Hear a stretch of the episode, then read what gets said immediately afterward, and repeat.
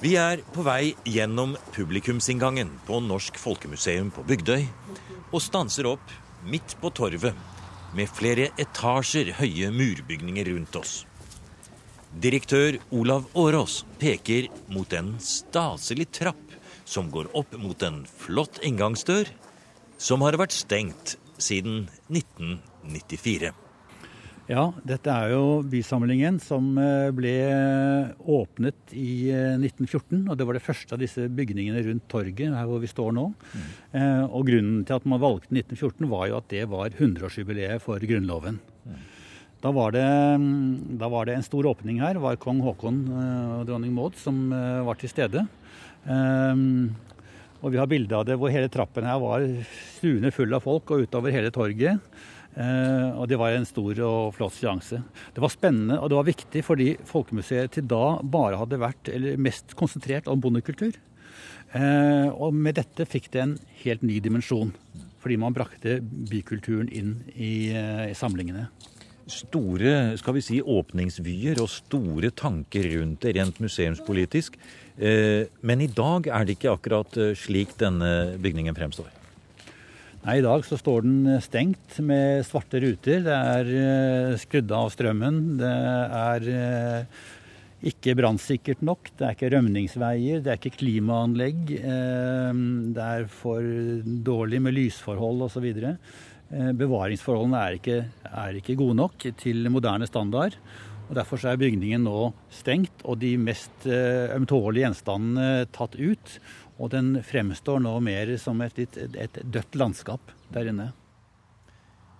Og inn i det museumslandskapet, i den stengte bysamlingen, skal vi snart ta en liten vandring. Men som et lite apropos til den store debatten i hovedstaden om flytting og bygging av flere nye museer i milliardklassen, spør vi direktør Olav Årås om hva det ville ha stått på prislappen dersom også Folkemuseet skulle ha vært med i den kabalen. I dag er det vel ca. 7000 kvadratmeter eh, med utstillinger som står stengt her på Folkemuseet. Og det er de to største bygningene rundt torget her. Men det er 7000 kvadratmeter som er stengt. Og hvis vi skal sette i stand disse bygningene med, med ferdige utstillinger i, så vil det ligge på en, mellom 300 og 400 millioner kroner. Kan du se disse hundrevis av millionene noe sted i forslagene til statsbudsjetter og forarbeider og andre ting som du er involvert i som direktør her? Nei, det har vært vanskelig å få gjennomslag for det. Det er jo flere regjeringer som har gått. Det er jo nå 16-17 år siden denne bysamlingen stengte. Og i løpet av den perioden så har man forsøkt å få midler til å gjenåpne den, men de har ikke lykkes. Vi har som vårt mål nå å få åpnet bysamlingen igjen til 2014, altså 100 år etter at den åpnet første gangen. Den gangen var vi en fattig nasjon, eh, men vi var nasjonsbyggere, så det ble landsrett som viktig. Eh, I dag er vi en rik nasjon. Vi er ikke nasjonsbyggere. Men vi ser på dette at vi nå går inn i et nytt grunnlovsjubileum 100 år senere. Da syns vi det er rart om vi ikke skal ha råd til å fortsatt holde denne utstillingen åpen. Mener du det er slik at eh, de store debattene om eh, flyttingen av Nasjonalmuseet for kunst og nytt kulturhistorisk museum Vestbanen, Søringa, alt dette. Er det det som har skygget for at dere har kommet inn i disse store museumskabalene? For i øyeblikket står dere jo utenfor denne store eh, museumsdebatten. Politikerne står alltid overfor prioriteringer mellom store prosjekter. Og det er også klart at man har eh, Man ser en motsetning mellom de store prosjektene som bygges i hovedstaden, og det som skal bygges utover i landet. Ja, men I den sammenhengen så er jo 300-400 millioner kroner egentlig ikke noe avskrekkende beløp når vi ser prislappen på de andre prosjektene som var nevnt her. Eh, mener du at eh, Folkemuseet er på en måte har forsvunnet i skyggen av disse store prosjektene? Ja, det har vi kanskje ikke vært flinke nok til å få frem eh, behovet eh, for politikerne. At vi har tatt det som selvsagt at dette måtte gjøres. Eh, det får vi ta selvkritikk på i så fall. Men det er vel også slik at kunst generelt sett vurderes høyere og viktigere enn ofte kulturhistoriske museer gjør. Det vi gjør nå, er at vi vi fikk en god økning på driftsbudsjettet vårt i inneværende år, som vi var veldig glad for. Vi har satt av midler nå til å gjennomføre et forprosjekt i løpet av 2011 som skal gjøre oss i stand til på kort varsel å starte arbeidene her i 2012 dersom det finnes rom til det i budsjettene. Så vi gir ikke opp dette. Vi kommer til å stå på for å få det til.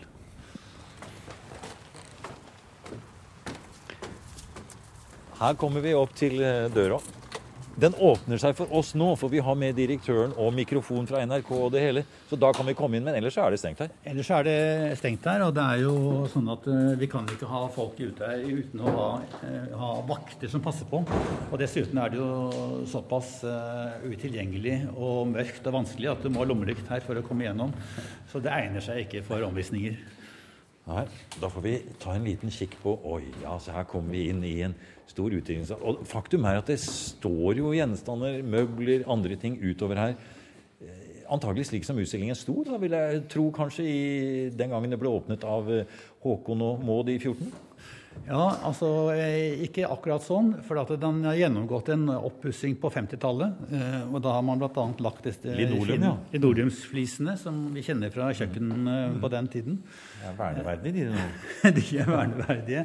Men hvis du ser opp i taket, og hvis du ser på, så vil du si at her er det Stukkatur til Ja, tak som er flyttet fra, fra borgerhjem og andre steder. Eh, det som har skjedd her, er jo at de mest ømtålige tingene, malerier og tekstiler og andre ting som er, eh, ikke tåler disse klima, et vanskelig klima, de er, de er, tatt ut og satt og sikret på magasiner. Men det står mye igjen som viser hvordan dette her var den gangen da vi for snart 20 år siden stengte dørene her. Mm. Vi har bedt deg å ta oss med inn her nå fordi at vi vil se litt nærmere på noen av de gjenstandene som eh, jeg håper å si dere, du og dere gjerne skulle ha vist fram litt eh, nærmere. Hva, hva er på en måte juvelen i, i, i kronen her inne? Kanskje allegorimesterskapet som står rundt hjørnet i tredje ja, barokkrommet. Ja, skal vi se litt på det, da? Det er, store... det er utstillingskoordinator Torgeir Kjos og prosjektmedarbeider Marianne Mo som går foran, innover i de avstengte salene i bysamlingen. Alt er mørkt her. Hvor er lommelykta di igjen, Ola? Ja, Lyset virker her ennå, ja. Og det henger hvite lartner over en del av stolene. Møbler og interiører fra forskjellige tidsepoker i hundreårene etter reformasjonen, samlet og ordnet i den legendariske grunnlegger Hans Aals ånd, møter oss i de forskjellige rommene. Og det skulle vel også bare mangle, siden Aall var direktør ved Norsk Folkemuseum i hele 53 år, til sin død i 1946. Men der ja, ja. Tror jeg nesten du må spørre Marianne. Som... Jaha. Her stanser vi opp ved et av prakteksemplarene i møbelsamlingen. Dette er et veldig flott intarsia-skap som uh, er laget av uh, en mann som heter Johan Jakob Katzenberger. Som innvandret fra Tyskland, Augsburg, på 17, i 1740-årene og slo seg ned i Skien. Og her arvet han både verkstedet og enken etter en lokal snekker. Og har produsert eh, bortimot 30 møbler. Og han er kjent som allegorimesteren fordi han um, ofte dekorerte møblene med symbolbilder som representerte menneskelige sanser og egenskaper. Jeg ser det står litt på gløtt, eh, dette skapet. Kan, du, kan, vi, kan vi forsiktig åpne bare lite grann? Sett? Og nå ser vi jo hvordan skapet helt sikkert skulle fremstå i et hjem. For her kommer det fram nye, store, flotte intarsia-bilder. Eh, det er søyler her. Det er store rom hvor det kan stå ting plassert inn. Her kunne familien plassere alle sine mest verdifulle eiendeler i sølv og glass og fajanse. Som jo Og det er veldig forseggjort, eh, ser vi her, i eh, utskjæringene og det å kunne åpne opp skapet, så, så, kommer det frem nesten en helt ny eh, Ja, helt, et helt nytt møbel nesten eh, står frem for oss her. Mm. Og disse detaljene finner du jo igjen også på, i bygdemøblene, altså som bygdesnekkerne laget, men altså med andre treslag og med annen dekorasjon. Men, men hvor du kjenner igjen elementene. Men det, det det viser, dette skapet, det er jo eh, Det illustrerer at vi ser på disse gjenstandene De er kilder for oss til å forstå hvordan folk levde, og kilder til historien i en viss periode. Til norsk historie og europeisk historie i en viss periode. Det som ellers hele denne samlingen og også dette skapet viser, er hvordan norsk møbelkunst og norsk innredningskunst hele tiden ble til og skapt under påvirkning fra kontinentet, fra England, altså fra Europa. Eh, og hvordan stilidealene ble importert hit Eh, og fant sin form også her. Delvis var det import som skjedde gjennom handel og, oppkjøp i utlandet. Og delvis var det håndverkere som kom fra Tyskland eller fra kontinentet, fra andre land, og som bosatte seg i norske byer og drev sitt snekkerhåndverk der. Og det som er spennende med det, er jo at disse gjenstandene, disse møblene, de dannet jo i, i sin tur utgangspunkt for bygdekunstnerne når de skulle skape sine møbler.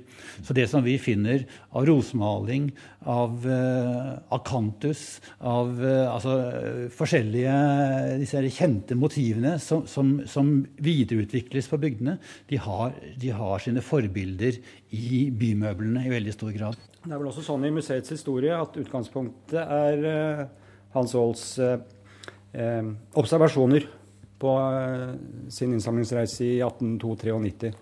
Og den norske folkekulturen forsvant til Nordiska museet, og ikke minst den artikkelen han leste om eh, Friluftsmuseet på Skansen. Og Da så han den visjonen av å samle gjenstander og friluftsmuseum, som jo er en tanke som var hans egen oppfinnelse. Nesten som en sånn visjon. Men da var det de tapte kulturformene og det gamle bondesamfunnet som uh, man skulle dokumentere før det var for sent. Mens vanlige bruksting fra bymiljøet, det inngikk ikke i den opprinnelige visjonen hans. Det var det fortsatt kun kunstindustrimuseene som samlet på, ut fra et kvalitetsperspektiv. Men så etter hvert, i løpet av de første 10-15 pionerårene, så må tanken ha modnet om at eh, det var minst like viktig å ha det samme perspektivet på bykulturen. Og det må ha vært et ledd i en forståelse av at folkekulturen, bondekulturen, ikke kunne forstås annet enn gjennom forbildene i bykulturen. Og da ble det jo Bysamlingen som faktisk ble den første store permanente utstillingsbygningen. Som ble realisert før bygningene for folkekultur. Også i hans opprinnelige planlegging. Så ja, De er jo litt interessant. Og det er et perspektiv som er like gyldig, ja. like gyldig ennå. At man kan ikke forstå den norske folkekulturen uten de impulsene som har blitt brakt inn via byene først. Da har vi jo Kapteinstroen her som er et veldig godt ja, eksempel på hvordan og har foregått. Inn her, ja. Ja, for det er, det er, veldig morsomt å gå rundt her inne nå. Kanskje særlig spesielt fordi det er så mørkt og slukket her. Og vi går og ser etter lysbrytere, og vi går gjennom en flott dør her akkurat nå, da, med utskjæringer osv. Vi, vi har på en følelsen av å se litt inni en, en litt sånn avstengt og bortgjemt eh, kulisse, dette her, som jo også er. Men når du da drømmer om å åpne det nye, vil du da si, Har du allerede, eller har dere i prosjektarbeidet allerede kommet frem til nye grep som dere vil bruke her? Ja, det vil bli mange nye grep, og ikke minst så vil den bli modernisert og, og si, eksponert for moderne formidlingsteknikk. Altså Vi vil ta i bruk helt andre medier og, eh, for, å, for, å, illustrere og formidle den flotte historien som det er. Ting som man ikke kunne gjøre i 1914. Så folk vil nok få et mye større, et bedre inntrykk av det. Så vil, man, eh, så vil det være en rekke klenodier her som folk, eh, eh, eldre folk vil huske, og som de vil lengte etter å se igjen. de har jo hørt mye om. Dette rommet er jo, er jo et av dem. Fantastisk. Vi har kommet inn i her nå. Du må beskrive litt hva vi ser. Altså Nå er vi inne, det er bare dagslyset som faller inn utenfra, for det er ikke noe lys her osv. Men det er i grunnen ikke så dumt, for da trer det frem skygger og konturer og disse fantastiske veggpanelene, malte veggpanelene rundt her, som viser et landskap. Ja, dette her er jo Løk-familiens eh, visittstue, som lå nede i Kvadraturen eh, i Kristiania eh, i sin tid. Og Visittstuen var der man tok imot eh, folk når de kom. Og det var vel kanskje helst et, et kvinnelig rom, eh, vil jeg nok si. Ja, det er som om vi er inne i et sånn kostymedrama fra BBC. eller noe sånt, og Dette er kulissene på et flott sett i en Charles Dickens-fortelling. Eh, eh, fordi at alt er jo intakt her. altså Gullforgyllingene eh, eh rundt omkring på speilene, på veggene, rundt dørene, alt sammen. Taket. Eh, hvordan har dette kommet hit til museet? Er det nedmontert eh, fra ditt, sitt opprinnelige sted? Det er bare det veggfaste som er her, vel å merke. da. Ja. Møbleringen er det museet som har gjort. Akkurat. Og dette huset ble revet i 1912. Så det rakk akkurat i likhet med stortingssalen som vi har å komme hit til åpningen av bysamlingen i 1914. Og da er det vel selvfølgelig som et eksempel på det absolutte toppklassen av borgerskapet i Kristiania på 1700-tallet. Morten Løk var jo også den som utvidet eh, Bogstad, ja. hvor eh, Peder Anker og grev Herman Wedel Jarlsberg, som er blant de to mest sentrale navnene i norsk politisk historie, siden bodde permanent. Ja. Men så er det hvordan folk på landet har fått tak i dette her, da. Ja. Dette er det såkalte kapteinsrommet som sto i Solør i Odalen. Der bodde det en eh, nær sagt forvist kaptein som stammet fra det høyere borgerskapet i hovedstaden. Og dette er vel et rom som like gjerne kunne vært i hovedstaden, men som eh, noen få embetsmenn, kanskje prester, eh, også som de utstytter seg på landet. Og bøndene kom inn og så dette her. Hm. Det er Ser ut som noen tilfeldige ornamenter, men hvis man ser nøyere på det, så er det kineserimotiver. Som var høyeste mote på 1700-tallet. Hvor du hadde de ostindiske kompaniene som handlet med Kina. Handelsaktiviteten og representasjonen av Kina langt ute på landet. Torgeir Kjos trekker fram mange detaljer og fine eksempler på også den rent håndverksmessige og ikke minst museumsfaglige standarden som for 100 år siden ble lagt ned i å flytte og skape disse unike interiørene. Hans Aall hatet hele sitt liv alt som han kalte for imitasjoner, illusjoner. Og Det lå jo i hvert fall i starten et spenningsforhold, særlig mellom Folkemuseet og Maihaugen, som jo manglet egne utstillingsbygninger. Og Kreti og Pleti, som ikke hadde hørt sammen, ble hengt opp sammen. Mens Hans Aall ville en fanatiker på systematikk og dokumentasjon og alt sånt. Så jeg vil tro at det overfører interiører man ikke legger noe til, og heller ikke så veldig mye er trukket fra. Kravet til etterrettelighet og dokumentasjon som han hadde, ligger bak. At han også så hele rom som en gjenstand. da. Nettopp. Ja, vi går litt rundt og rusler her i et eh, Jeg kan ikke si akkurat at det er forfalt, men det er ikke vedlikeholdt på mange år. Og det er eh, Det er vel litt sånn eh, museumspolitikk også, Olav, at det, det skal stå sånn stengt. For dette er en anklage, på en måte, mot de som gir penger til driften av museet. Ja, I denne, dette tilfellet så var det jo var det jo en dyd av nødvendighet. Altså, vi, det er ikke forsvarlig å ha det åpent for publikum sånn som det er. Um, så det er ikke demonstrativt uh, at vi gjør dette. Men uh, vi syns jo at det er meget på tide at uh, noen nå tar ansvar for at vi kan få dette åpnet igjen. For hvert år som dette står her og det ikke skjer noe, så stiger på en måte problemet og regningen. Ja, og det vekker jo undring blant våre utenlandske kolleger som kommer hit og så ser dette her, eh, og spør seg hvordan kan dette skje eh, i et land som Norge, som er så rikt. Og det kan vi jo ikke svare, svare på. på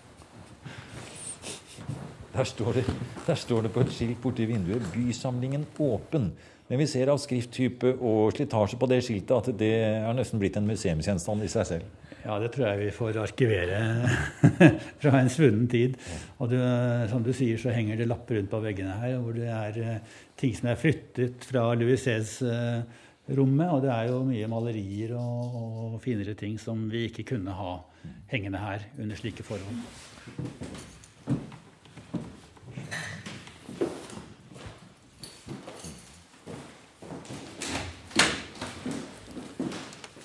Vi fortsetter opp i annen etasje i den stengte bysamlingen på Norsk Folkemuseum.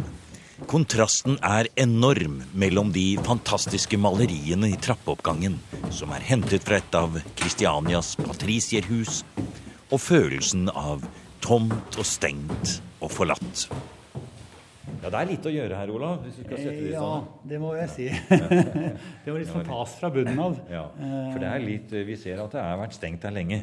Ja, og det er jo både vinduer og det er eh, alle overflater. Og, men det er også tekniske ting eh, som går på ventilasjon og som går på elektriske anlegg. og det er hele greia.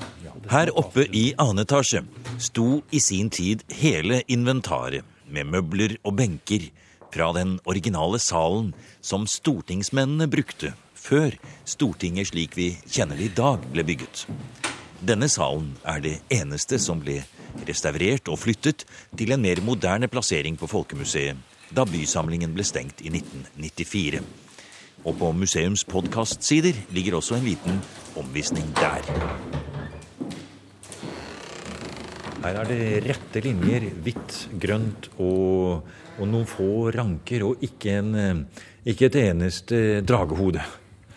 Nei. Ikke noen norske løver heller, for den saks skyld. Nei, det er ikke det. Og kanskje da var det ikke det var ikke det som var utgangspunktet eh, for den skolen. For det var en skole og ikke en nasjonalforsamling den gangen.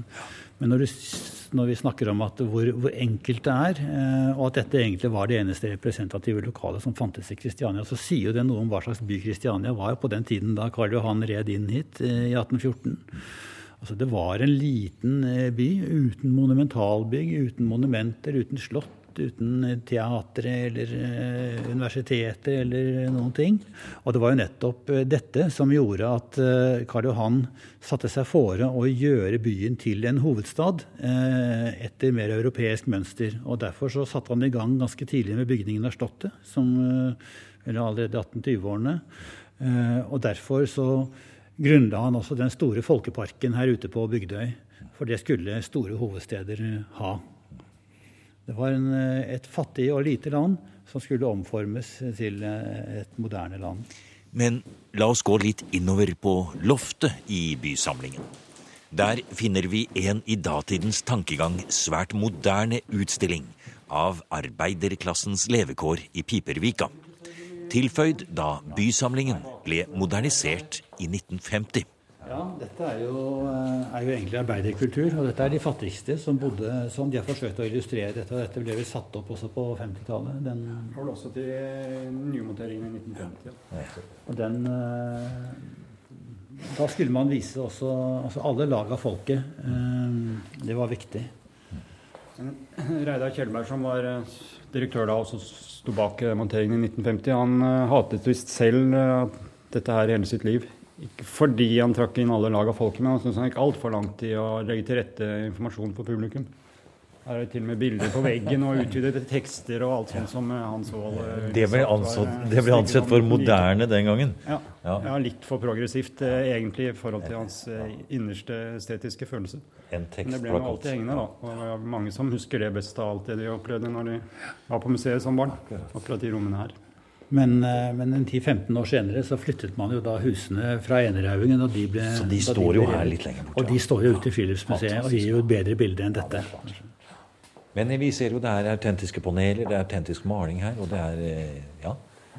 Det er det kontekstuelle her da, som ja. Eh, arven fra Aall ikke vil ha noe, som er en helt annen måte å tenke formidling på enn det vi har gjort i dag. Men det er jo interessant at det var utgangspunktet her. Nå er det jo da mest preget av hvite støvtrekk som henger over eh, møbler og andre ting som står her. Ting er fjernet, tatt ut. Her er vi kanskje Oi. Ja. Her er det helt mørkt. Det, det lyser litt fra opptakeren min her, så det, vi får gå etter det lyset. Her er det altså mobiltelefonlys, ja. Ja, Vi får holde og ta litt for oss her, så ikke vi støter borti ting. Ja, her er det, her er det, her er det stengt, altså. Har du sett på Ibsens arbeidsrom, ja. Det lå der til det ble flyttet eh, til ja, Ibsens vei. Ja, for det er jo et nytt, flott museum som er der. Her er det kaldt, kjenner vi. Litt rått og fuktig. Dette er jo mer eller mindre som et rent eh, magasin, dette her. Ja, eller et lagerrom, nærmest, vil jeg si enda, enda, vi går jo i utstillingssaler da, som er nå stappfulle av ting som bare er satt inn her. Og se dette taket her. Har du sett? Her er vi inne i en ny, en ny leilighet, ja. Ja, Utrolig flott. da. Dette var jo opprinnelig et gammelt eh, ærverdig sveitshus. Det var sommerhuset til eh, Andresen-familien, altså, som hadde tobakksfabrikken i sin tid. Smedbråten, som er her på Bygdøy. Eh, og hvor de senere bygget sitt nye hus, som Arneberg tegnet til dem. Eh, men da ble dette huset eh, revet, og, Og dette er en havestuen deres, og den ble da satt opp her i samlingene. Og det er jo et fantastisk rom. Ja, Det er flott, altså. Har du sett? Det er vel her for å eksemplifisere tidligste varianten av stilkopiering som slutten av 1800-tallet har preget av, nemlig nygotikken. Og hvor det stilmessig ikke har noen konstruktiv funksjon, men kun en rent dekorativ funksjon. Det er jo dette vi kan kalle for snikkargledje. Ja. Her er det mye utskjæringer og krumulurer og løvsagmønstre holdt jeg på å si, rundt uh, over det hele. Mm. Men uh, det gir jo unektelig i dag et veldig flott preg. og det er nesten en opplevelse å gå gjennom disse overfylte rommene med esker og møbler og stablet bort, og så plutselig komme inn i da, sommerstuen til Andresen-familien. Ja, altså Vi gleder oss jo til å gjenåpne den og virkelig få inn lyset og få inn informasjonen omkring det livet som ble levd i disse stuene. For vi vet jo en god del om det. Og det er rart som du, er som du sier, det å gå gjennom en utstilling det er som en vandring gjennom historien, eh, hvor den blir levende rundt deg. Og det er noe med det at Én ting er å gå og se gjenstander på rekke og rad som kommer fra forskjellige perioder, men det å vandre inn gjennom interiørene gjør at du liksom er til stede i historien på en helt annen måte. Og det ønsker vi å gjenoppnå. Du har nå hørt programmet Museum som podkast fra NRK. Museum sendes i NRK P2 på lørdager og søndager. Du finner flere programmer på nrk.no podkast.